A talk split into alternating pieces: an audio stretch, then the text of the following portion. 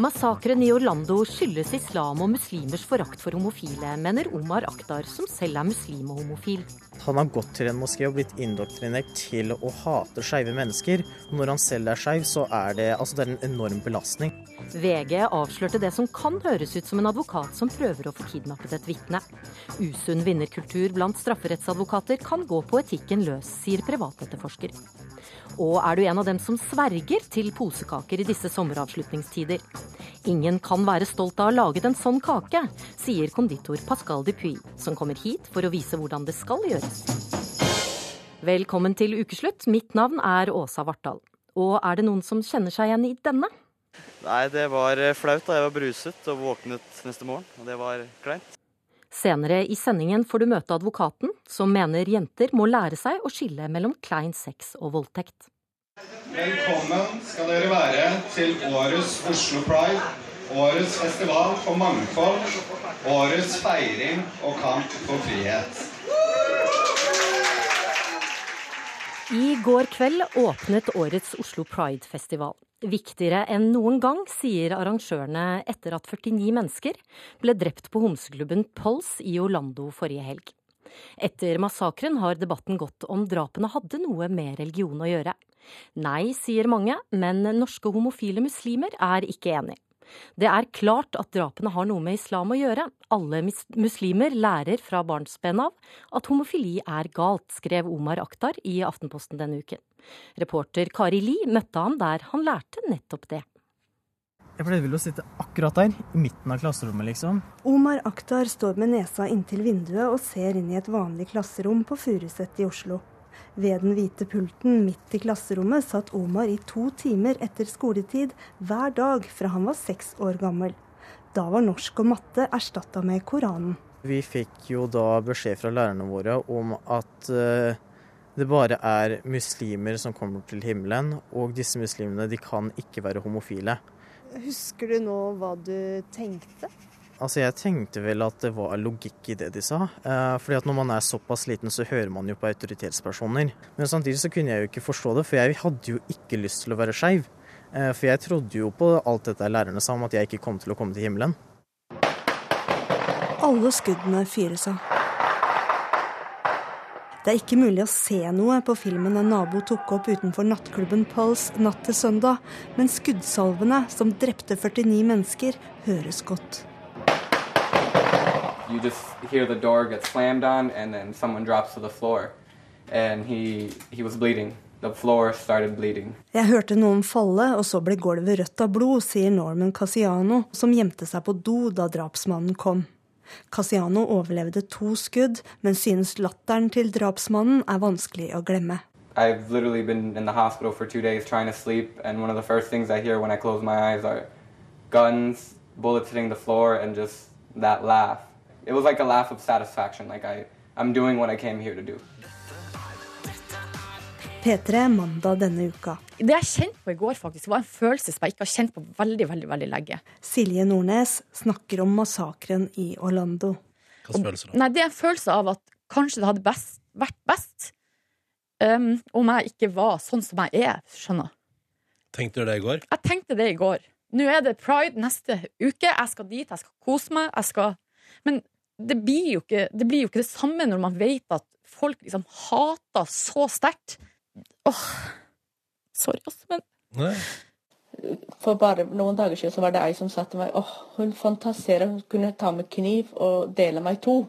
Amal Aden er en norsk-somalier som lenge har trengt politibeskyttelse. Hatet mot homofili er så sterk. Hun er kort på håret, går alltid i bukser, og er åpen om at hun er lesbisk når hun holder foredrag for skoleelever og flyktninger. Møter hat, møter sjikaner, møter trusler. Kun pga. min legning. Og de som truer legitimiterer dette pga. de mener de er muslimer. Uh, og det er jo sånn at man sier ja, men da har de tolket Koranen feil, eller man kan si ja, men da har de gjort det sånn. Så dette har noe med islam å gjøre. Vi kan ikke gå rundt i gråten hele tida og si at dette har overhodet ingenting med islam å gjøre. Så klart dette er noe med islam å gjøre. Jeg tenker jo allikevel at jeg prøver å legge truslene til side og tenker at dette her er viktig å kjempe for, og dette her er min frihet. og og elsker er, skal være et menneskerett, og kjærlighet er noe av det vakreste vi mennesker kan oppleve. Det gikk ikke lang tid før det ble satt spørsmålstegn ved homohatet og IS-tilknytningen til gjerningsmannen i Orlando. Everybody knew his name, Omar. He's a homosexual and he was trying to pick up men. Alle visste at han het Omar, forteller en stamgjest på nattklubben Pulse. Han var homofil og pleide å komme hit for å sjekke opp menn. Uh, he would walk up to them and then he would uh, maybe uh, put his arm around him or something and maybe try to get him to dance a little bit or something and then go over and buy a drink or something. Og det som er Problemet da, det er at han har gått til en moské og blitt indoktrinert til å hate skeive mennesker. Og når han selv er skeiv, så er det, altså det er en enorm belastning. Så jeg vil si at religion er grunnen til at dette skjedde. Og det skrev 18 år gamle Omar Akhtar i Aftenposten denne uka. Og ble hylla som en helt fordi han også sto fram som homofil muslim. Altså, ja, som sagt, man slites jo mellom identiteter. På den, ene måten, på den ene siden så har du lyst til å være en god muslim, og du har lyst til å liksom gjøre det folk forteller deg, da. Men på den annen side så, så kan du jo ikke noe for at du er født skeiv. Um, så det blir liksom doble minoriteter. Du passer ikke inn noe sted. Hva var bakgrunnen for at du satte deg ned og skrev dette her?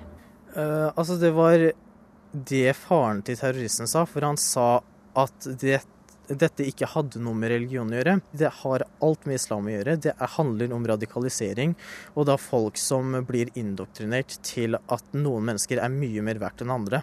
Men du finner jo homofobe mennesker i eh, alle de andre verdensreligionene også. Og også blant eh, ateister. Mm. Hvorfor mener du islam peker seg ut? Altså Jeg mener islam peker seg kraftigst ut fordi at eh, de landene som har dødsstraff for homofili, det er nesten utelukkende muslimske land. Og vi ser da at selv uh, muslimer som bor i Vesten, kanskje har bodd der hele livet, fortsatt er ekstremt homofobe. Da tar vi oss av skoene? Skoene må av. Det er fredag formiddag og foreløpig stille på Islamsk kultursenter sin moské på Grønland i Oslo. Moskeen har 4000 medlemmer og flere hundre barn i undervisning. Talsmann Najam Farhan viser meg rundt. Eh, Koran- og islamundervisning er her eh, i helgene, og på hverdager er det kun eh, Koran. Hvor gamle er barna som går her, da? Ja, de er i en skolealder, så de er mellom 7 og 12-13 år gamle. Hva lærer eh, barna som går på koranskolen her om homofili?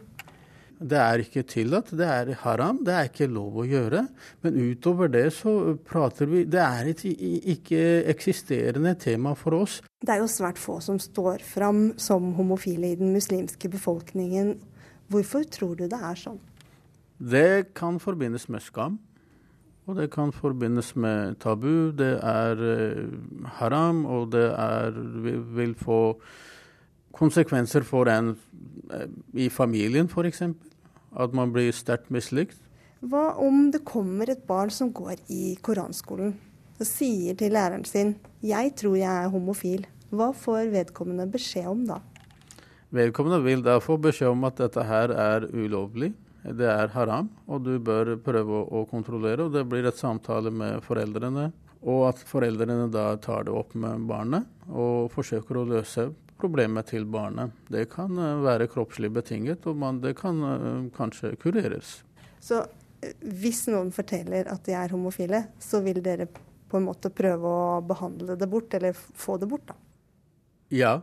Som menneske så har vi sympati for det, for den situasjonen de er i vi kan uh, tilby en uh, rådgivende time med imamen.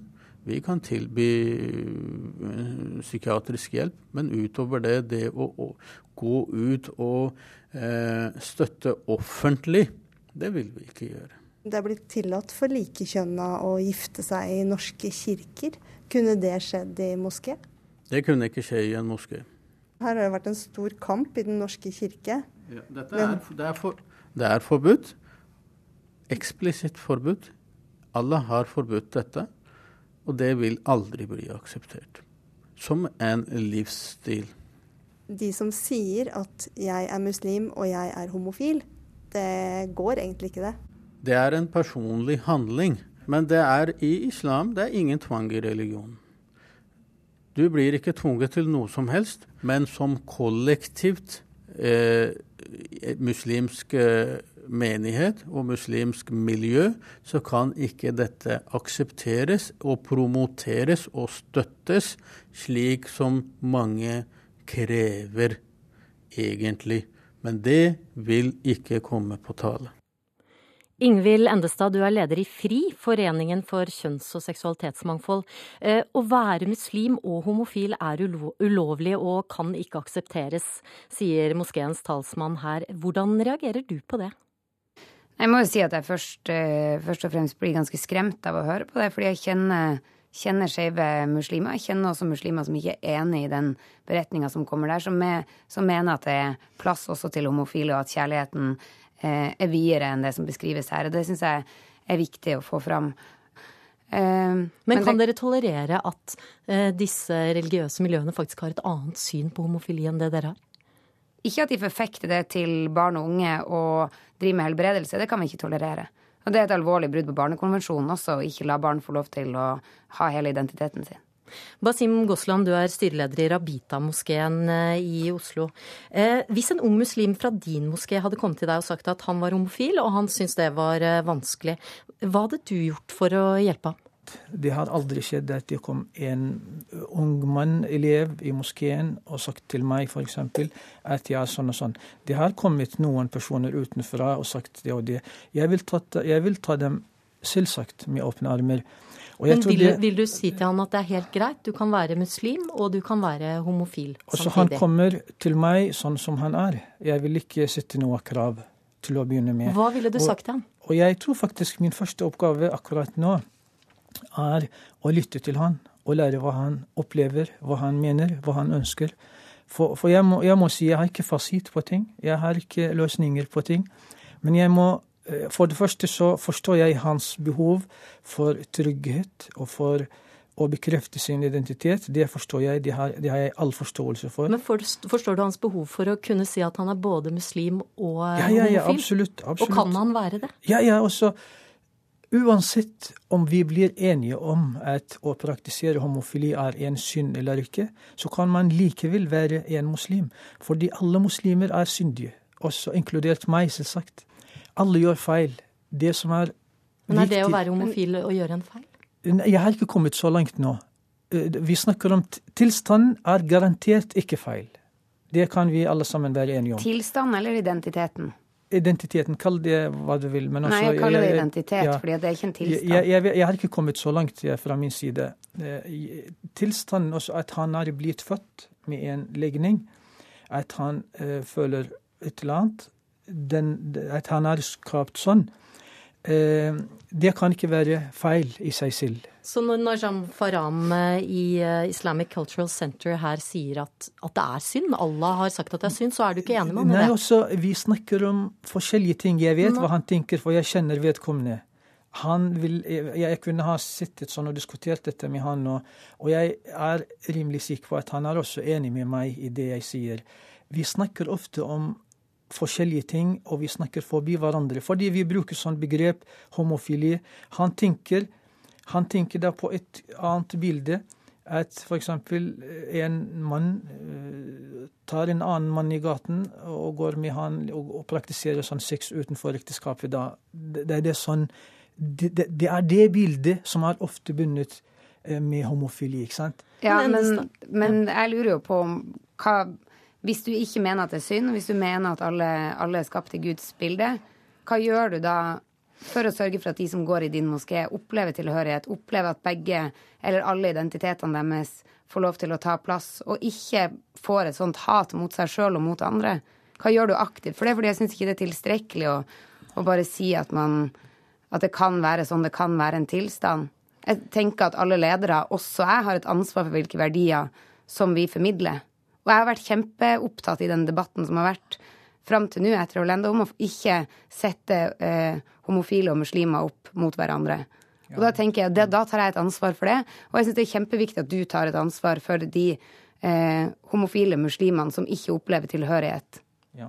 Hvilket ansvar tar du for det?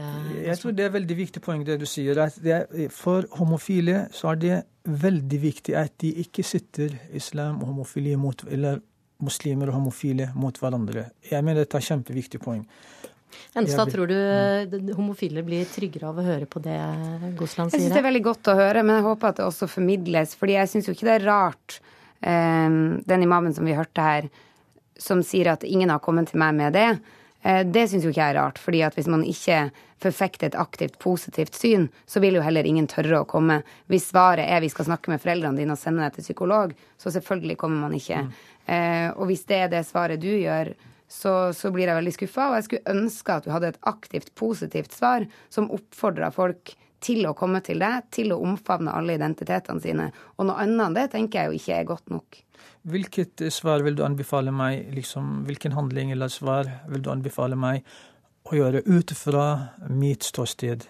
Jeg vil anbefale deg å si, når du snakker med barn og unge, ja. at det finnes ulike typer kjærlighet. Eh, at det finnes ulike måter å være muslim på. Det finnes ulike måter å være menneske på. Eh, og vi kommer til å ivareta deg sånn som du er. Det er ingenting feil med deg. Det er ingenting syndig med deg. Og vi er alle mennesker skapt av Gud som, er, som det er plass til her i vår moské. Kunne du sagt akkurat det, Gosland? Alt dette har jeg jo allerede sagt, egentlig. At vi er skapt sånn. Det er ingen synd i det. Og bare kom til meg sånn som du er. Det har jeg jo egentlig allerede sagt. Eh, men ting stopper ikke der så trenger vi å gå videre. Men kunne, kunne, man gått videre? Kunne man sett for seg at en eh, imam i din moské på, på fredagsbønnen eh, kunne si til, til de som var der, at man må ha aksept for ulike legninger? Jeg tror imamene generelt da snakker også mer generelt om saken. Ikke om saken, men om, om ting som f.eks. at man ikke skal være dømmende over, overfor andre at man ikke får lov å trakassere eller uh, håne andre uansett årsak. At vi ikke er skapt som dommere, men vi er skapt for å, for å hjelpe hverandre. Imamene sier, sier, noe sånn, og de må bare si det gang på gang. Fordi årsakene til konflikter er ikke bare seksuell legning, men også kan være etnisitet, kan være hudfarge, kan være kulturell, kan være religiøs. ikke sant? Alt dette. Og da imamenes rolle er å si det at om en annen person er forskjellig fra meg, eh, så er det ingen oppgave jeg har å dømme på vedkommende, eller trakassere han eller sånn, mobbe han. Dette sies i moskeen. Men tilbake til Orlando. Du er en av dem som sier at det som skjedde der, ikke har noe med islam å gjøre. Du skriver på Facebook-siden din at, det, eh, at, islam ikke godtar homofil praksis, er noe, men å legitimere angrep på homofile er noe helt annet. Eh, men kan den fordømmelsen av homofili, da, som vi bl.a. Hører, eh, hører i reportasjen her, føre til en selvforakt hos homofile muslimer som faktisk gjør at de kan gjøre den type handling? Jeg mener at det er helt feil kobling. Og jeg mener faktisk dette er å gjøre seg selv bjørnetjeneste for homofile som ønsker å fronte saken, og ta denne linken. Fordi de vil skape konfrontasjon mellom muslimer generelt, mellom islam på denne siden, og dem. Og det er veldig uheldig. Endestad, mener du at det er en link der? Nei, jeg er helt enig i at vi ikke skal trekke den slutninga sånn. Og jeg syns det er kjempefarlig med de som bruker dette til å spre hat mellom grupper. Men når det er sagt, så mener jeg at det vi kan ta, ta tak i, er det hatet som ligger til grunn når man angriper en gruppe gang på gang på gang på gang. Det gjør kristne, det gjør muslimer, det gjør nynazister. Eh, så trekkes lesbiske, homofile og transpersoner ut som en gruppe som det er greit å angripe. Og da tenker jeg at vi alle sammen har et ansvar for å jobbe aktivt imot det hatet. Og da tenker jeg nei, det holder ikke å ta avstand fra vi må aktivt gjøre noe som gjør at ikke noen skammer seg så i hjel at de går og skyter mennesker fordi de er sånn som dem. Da har vi et stort ansvar å gjøre. Helt til slutt bare, Amal Aden sier her at det er en menneskerett å kunne elske.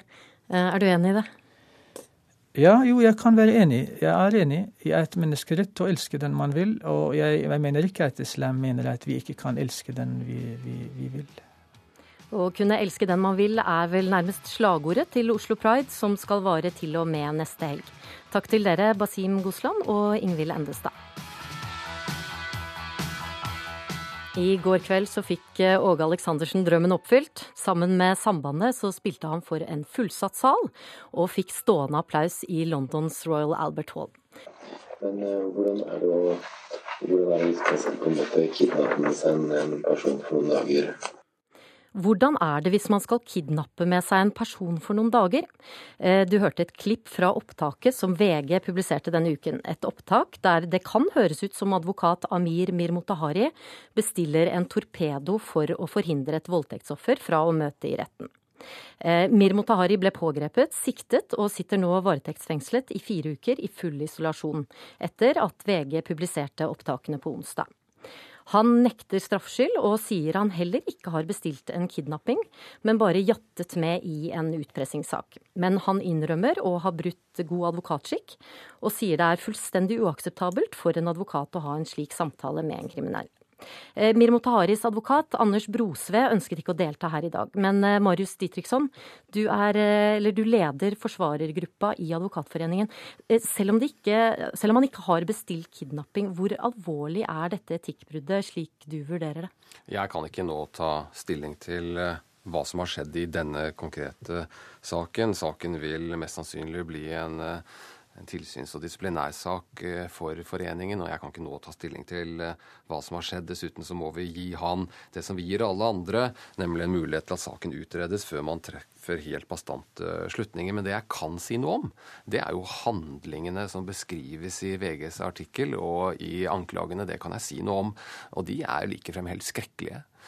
Eh, hva er det som gjør det så skrekkelig? Jeg synes Det som gjør mest inntrykk eh, på meg, er jo en detaljert eh, beskrivelse av eh, hvordan dette offeret skal tas med, kidnappes, dopes, injiseres, og etterpå skal ingen tro på henne, fordi dette er jo det hun pleier å gjøre. Og Her må, må vi si... selvfølgelig ta forbehold om at han nekter straffskyld.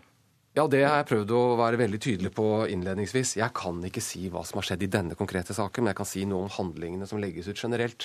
Eh, og det er jo helt skrekkelig, det som, eh, det som beskrives. Men du er selv forsvarsadvokat. Har du opplevd at klienter ber deg om å gjøre noe ulovlig for å vinne en sak? Dette er ingenting, Det vi her snakker og diskuterer om, har ingenting med forsvarsvirksomhet. Eh, ja, det er riktig at eh, en siktet eh, kan hende ber en forsvarer om, om bistand til Har du opplevd det selv? Ja, det vil være naturlig. Det tror jeg alle forsvarere har. Alle aktører i strafferettspleien vil komme bort til en og annen siktet som ber kan du hjelpe meg med en, med en forklaring. Men svaret på det er jo helt opplagt. Alle vet hvor grensene går, og svaret på det er nei. Det er helt ubrukt helt uproblematisk å håndtere. Eh, det vi her snakker om, er jo noe helt annet. Ola Tune, du er privatetterforsker. Ditriksson sier at det ikke er uvanlig at noen spør om alternative metoder eh, for å vinne en rettssak. Eh, hva syns du om det du hører? Nei, som generelt om det man hører i saken her, så er jeg helt enig. Dette er jo forferdelig. Det, det er jo ikke sånn man gjør det. Og la oss håpe at det er enkelttilfeller, dersom det er slik. Men igjen, saken må utredes, og så får man finne ut hva som faktisk har skjedd, og forholde seg til det.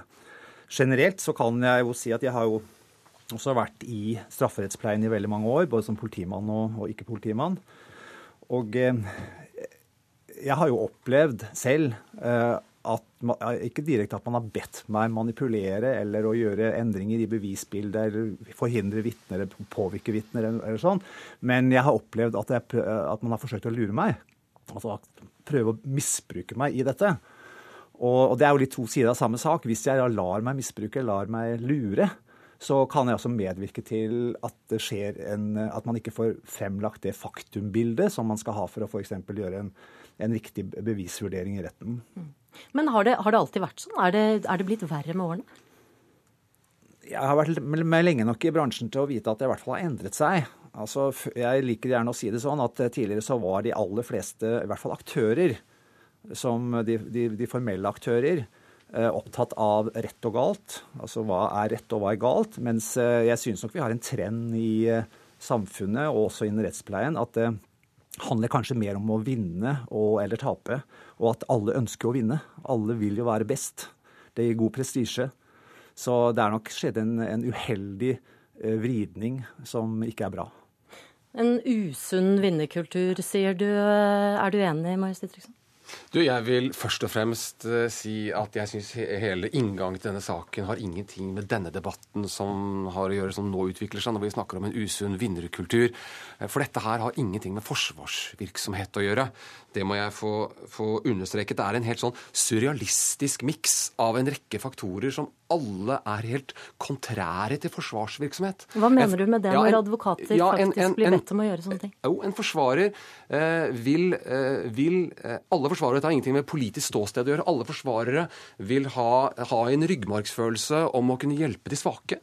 Eh, om å kunne gjøre noe fornuftig i retten. Det vil være en ryggmargsfølelse for alle. Og det vi hører her av handlinger, og jeg må igjen understreke, jeg vet ikke hva som har skjedd her, men det som beskrives av handlinger, det er jo altså en svært nedlatende måte å omtale et svakere stilt offer, hvorpå man snakker om kidnapping og giftinjisering og neddoping, for etterpå for til alt overmål å oppnå en uriktig dom. Så dette er helt surrealistisk. Det er en helt, det er en helt sånn cocktail av surrealistiske elementer som er helt kontrære til forsvarsvirksomhet, og har ingenting i en debatt å gjøre om om det er en vinnerkultur eller ikke. Jeg tror det, vil, jeg tror det er riktig å si at, at kulturen uh, i, i, forsvarsvirksomheten, og sikkert også i påtalemyndigheten, har blitt hvassere med årene. Det tror jeg nok er, er riktig å si.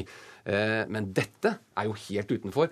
Alle tror jeg forsvarsadvokater nå står litt himmelfallen tilbake og lurer på hva er det som har skjedd. Det er ikke lenge siden nå hvor de tiltalte eh, en eh, lederen for politiets spydspiss mot organisert kriminalitet. Han er nå tiltalt for at en selv har vært del av narkotikainnførselsorganisasjon. Så jeg tror det er mange politifolk nå som står tilbake litt sånn himmelfallen og lurer på hei, hva som har skjedd her egentlig? Og sånn er det egentlig nå etter eh, de siste dagers opplysninger. Det er mange forsvarsadvokater som står tilbake og lurer på hva er det som har skjedd her. Men det vi vet, dette har ingenting med forsvarsadvokatvirksomhet å gjøre. Tune, er du like sikker på at forsvarsadvokatene har denne ryggmargsrefleksen? Ja, jeg har tillit til, til advokatene. Eh, jeg, er, jeg, er enig i at det er for så vidt forskjellige debatter, men eh, utfallet er jo det samme. Altså, dette handler jo om hvis man hindrer et vitne om å møte i en rettssal eh, for å, for å avgi en vitneforklaring, så hindrer man et bevis som, som, som retten skal ta stilling til.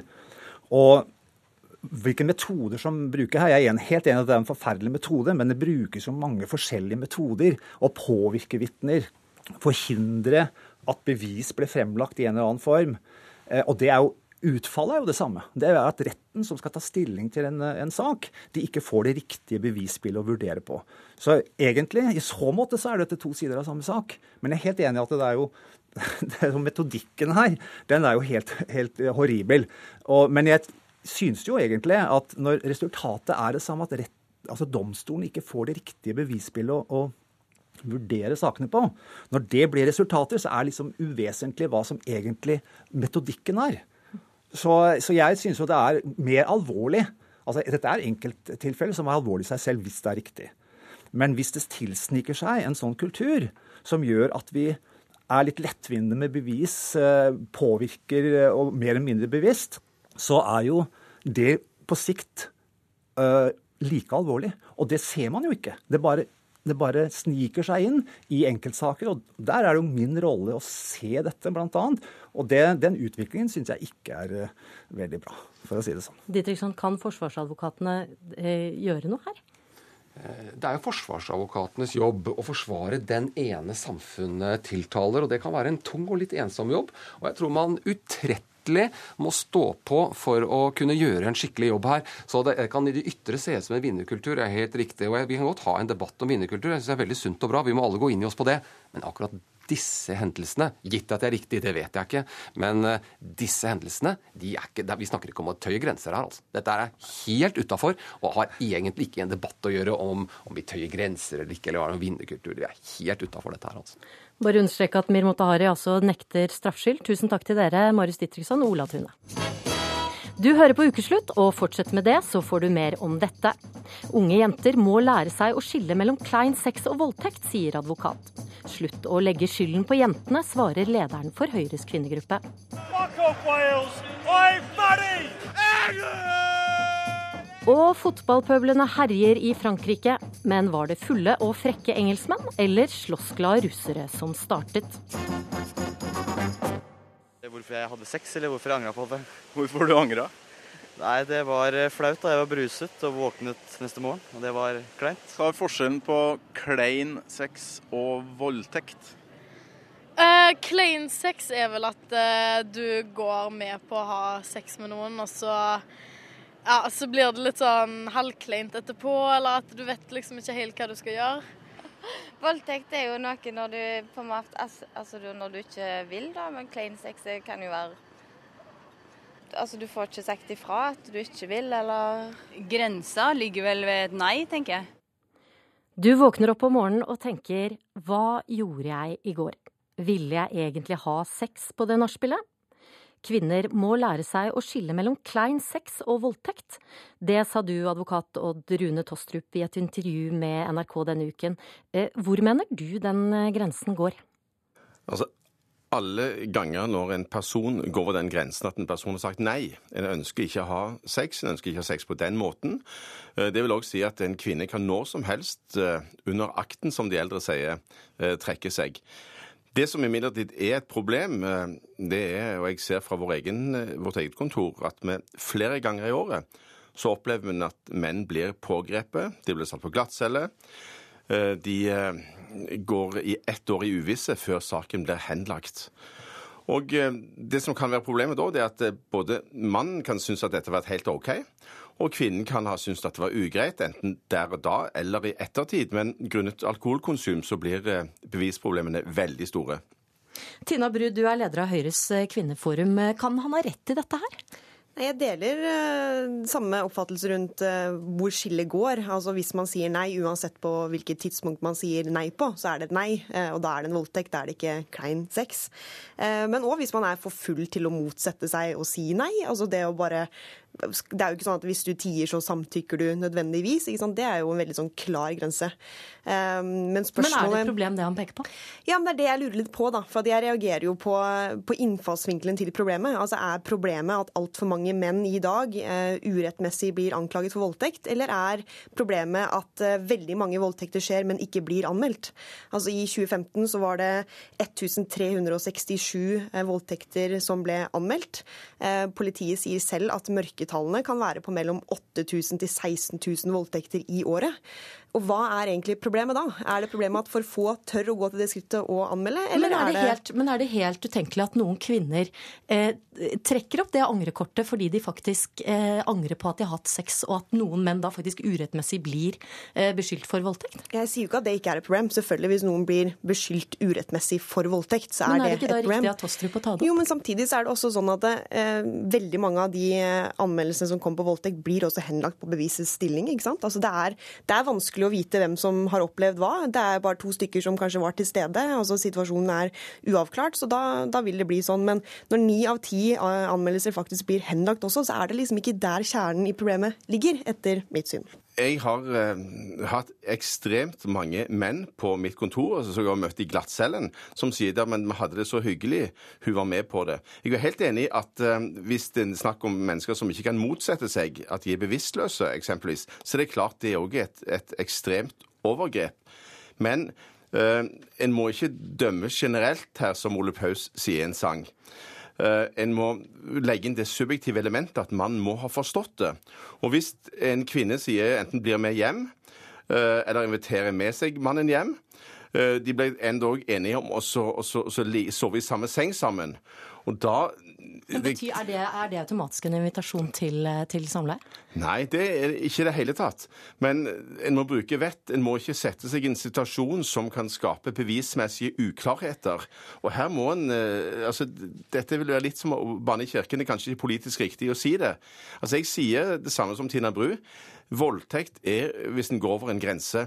Men eh, foreldre, og ikke minst voksne, spesielt da jenter, eller halvvoksne jenter kanskje i særdeleshet, Eh, må, må, ta til vett og eh, kanskje altså, gjøre visse sånn håndgrep for å unngå at disse situasjonene oppstår. Men, men hvis det Tostrup bekymrer seg for, er eh, at unge menn havner i en situasjon hvor de urettmessig blir anklaget for voldtekt. Hvorfor ikke begynne der? Hvorfor ikke henvende deg til disse unge mennene? At de må passe på å ikke bli satt i en situasjon hvor de kan risikere sånne ting. Man jobber mye med holdninger rundt dette, bl.a. den holdningskampanjen fra politiet som heter Kjernekar, nettopp for å øke bevisstheten. Men det du gjør, er å gå ut på NRK og si at jenter må lære seg å skille mellom det som er klein sex, og så dra angrekortet etterpå, etter at de har snakket med venninnene sine, som liksom overtaler de til å da anmelde. Det det er samtidig også sånn at de fleste, eller veldig mange voldtektsanmeldelser, de kommer ikke før et år etterpå. Altså, Tror du helt alvorlig talt at jenter går til venninnene sine og så sitter og snakker i et år og blir overtalt om at det de opplevde, ikke var greit? Altså, Jeg ser ikke Jeg syns innfallsvinkelen til problemet er så rart. Hvorfor heller snakker du ikke til gutta, da, hvis det er de du er bekymret for? Det gjelder begge parter, det gjelder både gutter og jenter. Men jeg tror egentlig problemet er litt sånn som, sånn som det er i Norge, eh, til dels i nordiske land. Så er det slik at eh, en treffer hverandre på en fest, en har halvannen i promille, så har en sex, og hvis dette funker, så Uh, Men hvem, hvem er det egentlig du legger skylden på her i disse tilfellene? når dette skjer? Jeg legger ikke skylden på noen, men jeg sier at vi har et felles ansvar. Uh, i den grad jeg hadde hatt en, en tenåringsdatter, så ville jeg sagt vær forsiktig hvem du blir med hjem. Uh, vær forsiktig med hvilke signaler du sender. Og tenåringsgutter som jeg har hatt, tre faktisk, som er blitt store nå, så har jeg alltid sagt det til dem. Ikke drikk dere for fulle, unngå sprit, og i tillegg aldri ha sex med noen som du ikke kjenner godt. Og jeg tror Hvis vi følger disse enkle kjørereglene, og dette må en ikke gjøre vanskelig, politisere og, og, lage noe sånn kvinnepolitikk ut av En må rett og slett bare si at dette, dette, dette, dette er fornuftig. Det er jo fornuft. Det er sunn altså, fornuft. Akkurat på dette er jeg enig. Altså, jeg mener at man innimellom i voldtektsdebatten er altfor kjappe til å si at det er feil å påpeke at man må passe litt på seg sjøl og ta forhåndsregler. Det må man. Det gjelder ikke bare i voldtektssituasjoner, men det er akkurat som at du, du passer på at ikke du blir rana når du er på ferie. ikke sant? Samme ting. Det må være lov å si. Men jeg lurer på hvor du igjen har det fra at dette er et så stort problem. Altså Hvor mange av de anmeldelsene som kom i fjor, da, har sånne type begrunnelser bak seg. At det er liksom gutter som blir anklaget for ting de ikke har gjort. Men Det er kanskje, det ikke, vet... kanskje ikke det største problemet, men det er jo et problem. Er det ikke jo, da greit at han snakker om det? Men jeg mener det er et større problem at vi har jobbet i så mange år med å måte, jobbe mot at jenter eller gutter som blir voldtatt, skal sitte og føle på skyld og skamfølelse og derfor ikke tørre å anmelde, enn det som Tostrup her mener er problemet, at altfor mange gutter blir urettmessig anklaget for voldtekt. Tostrup, er du redd for å gi kvinner enda større skyldfølelse ved å si det du Nei, gjør her? Nei, ikke i det hele tatt. Jeg oppfordrer kvinner til å anmelde alt som skal, skal anmeldes. Eh, det er ikke det som jeg sier, men en kunne gjøre, altså ha flere tanker i hodet samtidig. Eh, fordi at det er et fakt, det er et faktum uh, ut ifra vitnepsykologi at hvis en har halvannen i promille eller over, så kan situasjonen virke veldig forskjellig, og det vet alle vi som har levd en stund. Uh, veldig forskjellig klokken altså tre natt til søndag og klokken syv søndag morgen. Det er to forskjellige verdener. Ja, Men det er heller ikke det du sier i NRK. Det du sier til NRK, er at eh, jenter må lære seg å skille mellom klein sex og voldtekt, og så må de slutte å dra angrekortet etter at de har snakket med venninnene sine. Altså, Hvorfor har du valgt å på en måte bruke den innfallsvinkelen, hvis det du står og sier her, er det du egentlig mener? Som jeg også kan være enig i mye av det du sier på, men jeg skjønner ikke hvorfor på en måte gå ut og peke på jentene sitt ansvar for å på en måte lære seg forskjellen. Jeg tror de aller, aller fleste jenter er veldig klar over når de har hatt klein sex såkalt, på en one night stand, og når de har blitt voldtatt. Begge må bruke vett. og Jeg tror ikke vi skal gjøre det så vanskelig heller at, at, at, at jeg, jeg, sier ikke at jeg gir jentene skylden for noen ting som helst. Jeg sier at de må passe på seg sjøl. Og guttene må òg passe på seg sjøl. Og det er jo det rådet jeg har gitt mine sønner. Altså, pass på dere sjøl. Ikke ha sex med noen som dere ikke kjenner godt, fordi at det er en risikosport. Tenk hvis jenten har kjæreste. Tenk hvis hun etterpå skulle tenke at dette er helt feil. Eller tenk hvis det er en sånn en, uh, altså en jente som er en sånn drama-queen. Uh, og dette har jeg eksempler ja, på. Nå ser jeg at Tina Bru igjen, igjen Jeg sa det med vilje. Jo, men jeg, du skulle begynne med gutta, da. Du må si at guttene dette. må lære seg å skille mellom klein ja. sex og voldtekt. Ikke si at jentene må lære seg å skille mellom. Men jeg tror de aller fleste jenter gjør det. Og ser du ikke at du bidrar ved å gå ut på den måten der, nettopp til å motarbeide det man har jobbet så hardt med i så mange år, og få jentene til å slutte å føle skyld og skam når de blir utsatt for det? Da sier jeg takk til dere, Tina Bru og Odd Rune Tostrup. I går skjedde det igjen. Kroatiske fans begynte å slåss på tribunen under kampen mot Tsjekkia og sendte bluss ned på banen. De følger den dårlige tradisjonen til engelske og russiske supportere, som har slåss både inne på stadion og ute i gatene under fotball-VM. Men er det slåssglade russere eller fulle engelskmenn som har skylden når supporterne barker sammen? Ukeslutt sendte reporter Torkil Thorsvik ut i Oslo for å høre hva russere og engelskmenn her i Norge mener. Hittil syns jeg Slovakia har vært flinke til å bruke bredden. Kampen mellom Russland og Slovakia blir vist på flere fotballpuber i Oslo sentrum. Da 25 meter, Fjodors mål opp. Men å finne noen russere skal vise seg å bli vanskelig. Jeg må innom fem puber. Uten resultat.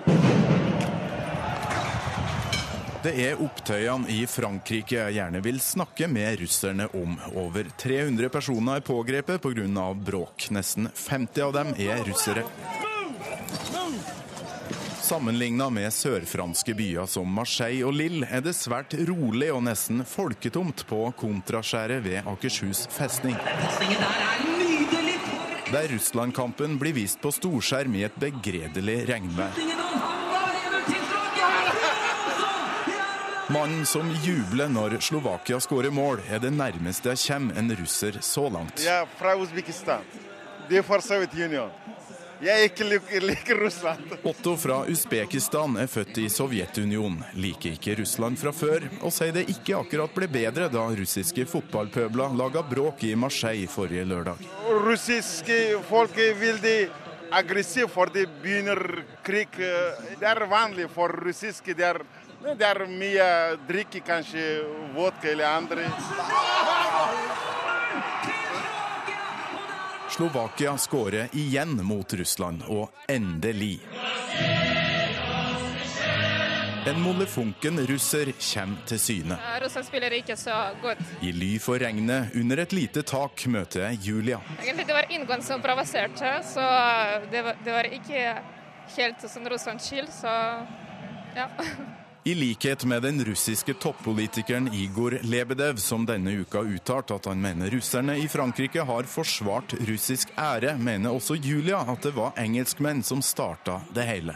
Og så plutselig begynte engelske fan de begynte sånn å skrike og alt mulig. Egentlig det går ikke å gjøre sånn. Russere, du vet, russ, av og til de er sånn litt uh, nervøse, eller jeg vet ikke hva man kan si. så... Det er det mye ære i Russland, og forsvare sin ære, det er viktig. Ja, ja spesielt nå, når hele verden kan si er mot Russland. Nytt fotballbråk i Marseille. Politiet bruker tåregass mot eh, fotballfans. Tørste engelske fotballsupportere i Marseilles gamle havneområder. Nei, Jeg tenkte vel at nå kommer britene til å få skylda igjen. Da Dagsrevy-bildene av opptøya rulla inn på skjermen, satt tidligere fotballpøbel Bengt Agnor Kalmeier og studerte hele med interesse. For å si det sånn, da, jeg følger jo litt med, og jeg har jo venner her og der som jo på en måte har fått litt rapporter fra folk som har vært der og sånne ting. Og de sier jo at det er uten tvil russerne som som skapte hele situasjonen. Kalmeier har jobba med sikkerhet og forebyggende arbeid i Vålerenga og supporterklubben Klanen, etter at han sjøl har deltatt i fotballslåsskamper i ti år. Det er en uh, vanvittig rusfølelse.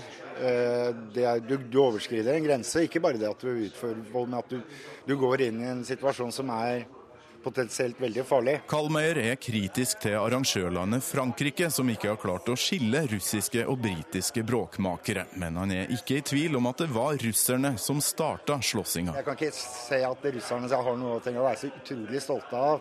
For de kommer da liksom med noen hundre topptrente folk i, i 20- og 30-åra som banker opp drita fulle 40-50-åringer. Jeg, jeg, tror liksom ikke helt på det der med at det er russerne som ble angrepet. Bengt har likevel forståelse for at engelskmenn kan oppleves svært provoserende. Alle som har møtt britiske turister sånn eh, mer enn fem om gangen, f.eks. i Syden, veit du hvordan, hvor hyggelig det kan være. Det er ikke akkurat moro å støte på dem. Og apropos engelskmenn.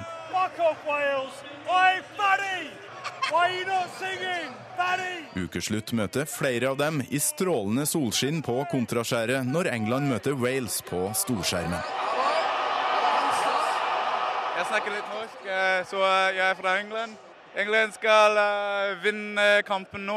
Engelske Tom sier han synes det er trist for England og for ryktet til engelskmenn at enkelte reiser til Frankrike kun for å slåss, men i Marseille tror han det var russerne som starta. In the stadium in the first game, the England-Russia game, it was obviously the Russians who were provoking and stampeding towards the England fans at the end of the game. That was horrible to see. Why do we have to defend the hooligans? It's not like We're not- We're not, we're not defending the hooligans. Muslims don't have to defend the terrorists. We're not, we're not defending anyone. I'm It's- just being it's- it's about there. being diplomatic about I'm it. playing devil's advocate. It's about being diplomatic about the whole thing, isn't it, Adam?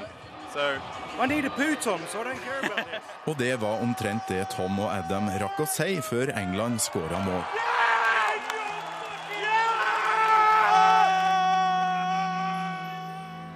Sommerferien nærmer seg, og avslutninger i barnehager, på skoler og fritidsaktiviteter kommer tett i tett.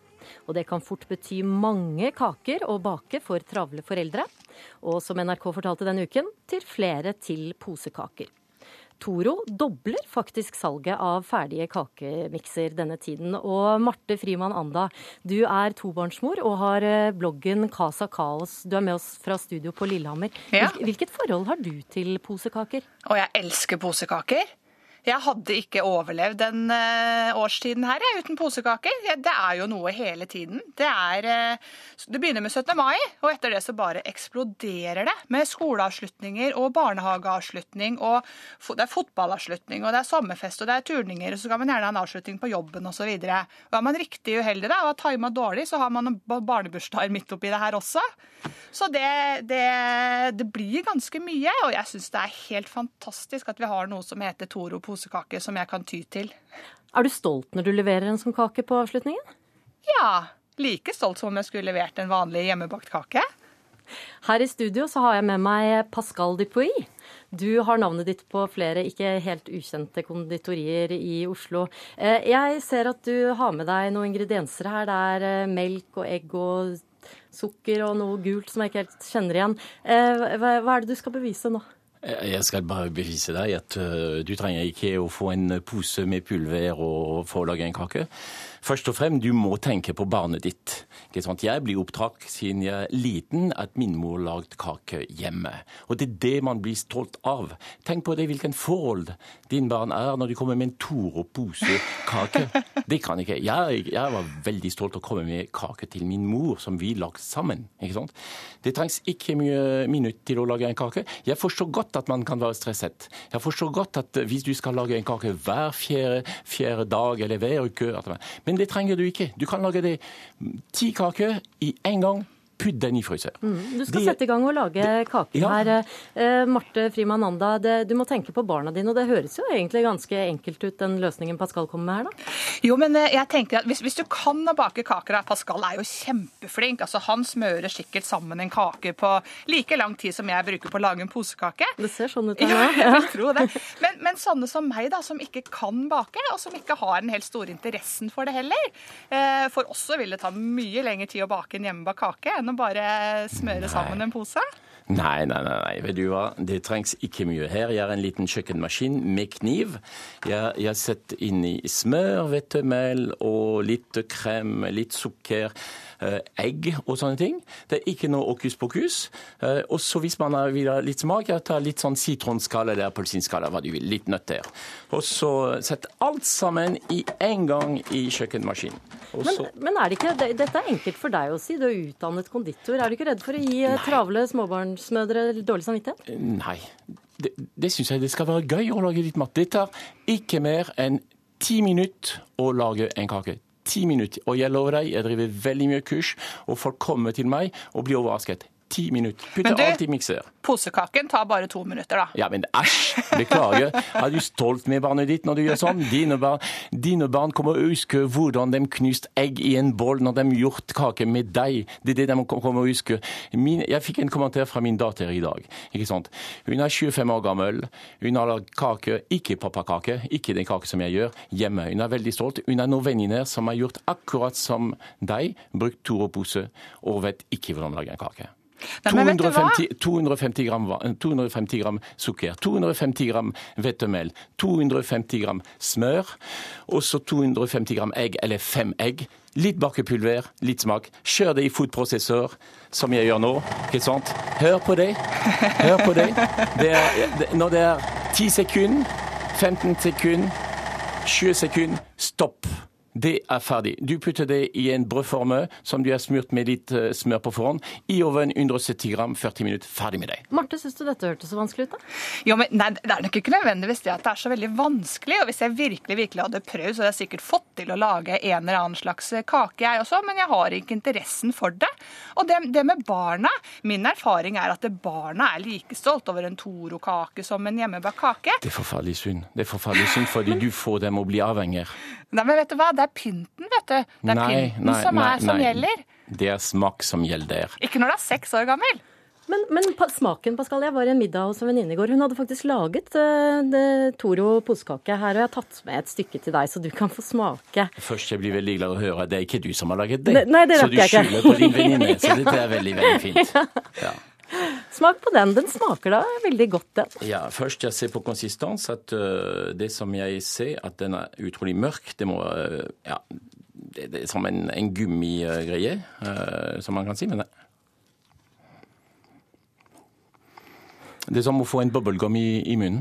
Men det, det er veldig mange barn og voksne som liker den veldig godt. Er det, må du gi den dårlig samvittighet, de som lager denne kaken? Jeg håper jeg gir dem dårlig samvittighet, fordi du må skjerpe deg. Du må skjerpe deg. Du må gi smak til dine barn. Du må få dem å være glad og, og skrelle en tomat. Du må få dem å være glad og knek, knekke et egg. Ja, men Du må, tomater de må vi, få et forhold. De må ikke. få et forhold med et ferdig pizza du kjøper i fryser og putter i. Det er ikke det som er livet. Livet, du vet som meg, det er å være på fredag kveld og lørdag kveld og invitere sine venner hjemme rundt en god middag. Du gjør det. Hvorfor dine barn? Du skal gi, dem en utdannelse med dette, et, et opp, med det. Er der vi begynner, når du er liten. Jeg, jeg bakt kake hvert eneste dag. Hvert eneste dag når jeg var fem, seks, syv, åtte år gammel med min mor. Jeg er utrolig glad i det. Når jeg går og besøker den gamle mor som er 80 år gammel, hun fortsetter å levere en kake til meg når jeg kommer på besøk. Ja, men det Amanda, vil du, vil du følge, følge rådet helt til slutt? Vet hva, jeg tenker Det er kjempehyggelig å bake kake for de som har interesse for det, men så er det også noen som ikke har interesse for det, som heller legger en støt til andre steder. Hvordan kan du, du, du kan si at din barn er ikke interessert på det når de er Jeg, seks år gammel? jeg har ikke interesse Det for må det. bli siste ord i kakekrigen. Takk til dere, Mar eh, Pascal Depuy og Marte Frimann Anda, for nå har meteorologen kommet inn. Eh, Terje Alsvik Valle, hvordan, eh, hvordan blir været fremover? Det blir bra å bake kake, kanskje, for det er dårlig vær mange steder. Så det er fint å være inne og bake. Det er nordlige vinder som blåser ned over det meste av landet i dag, med liten kuling flere steder langs vestkysten fra Troms til Vestlandet. Og i Lofoten og mellom Stad og Lindesnes er det lokalt opptil stiv kuling. Generelt er det mye skyer i landet i dag, og regnbyger forekommer særlig i Nord- og Midt-Norge. Og i morgen søndag så kommer vinden hovedsakelig fra nord fortsatt, men minker litt i morgen. Og i Nord- og Midt-Norge er det fortsatt en god del skyer i morgen også, og regnbyger kan forekomme hovedsakelig fra Helgeland og sørover til eh, Møre og Romsdal, med lite nedbør på Sunnmøre. Og I Finnmark så kommer det inn regn fra øst, men det blir lite nedbør vest for eh, Porsangerfjorden. Og Regnbyger passerer deler av Østlandet og Telemark i natt og i morgentimen i morgen, men på dagen i morgen blir det oppholdsvær og perioder med sol både østafjells og Vestlandet sør for Stad. Og generelt en kjølig værtype morgen også, men rundt 20 grader på de varmeste stedene fra Sørlandet opp mot den sørlige av Østlandet. Det var ukeslutt denne lørdagen. Ansvarlig for sendingen Magnus Bratten. Teknisk ansvarlig Hanne Lunås. I studio Åsa Vartdal. Ha en strålende helg.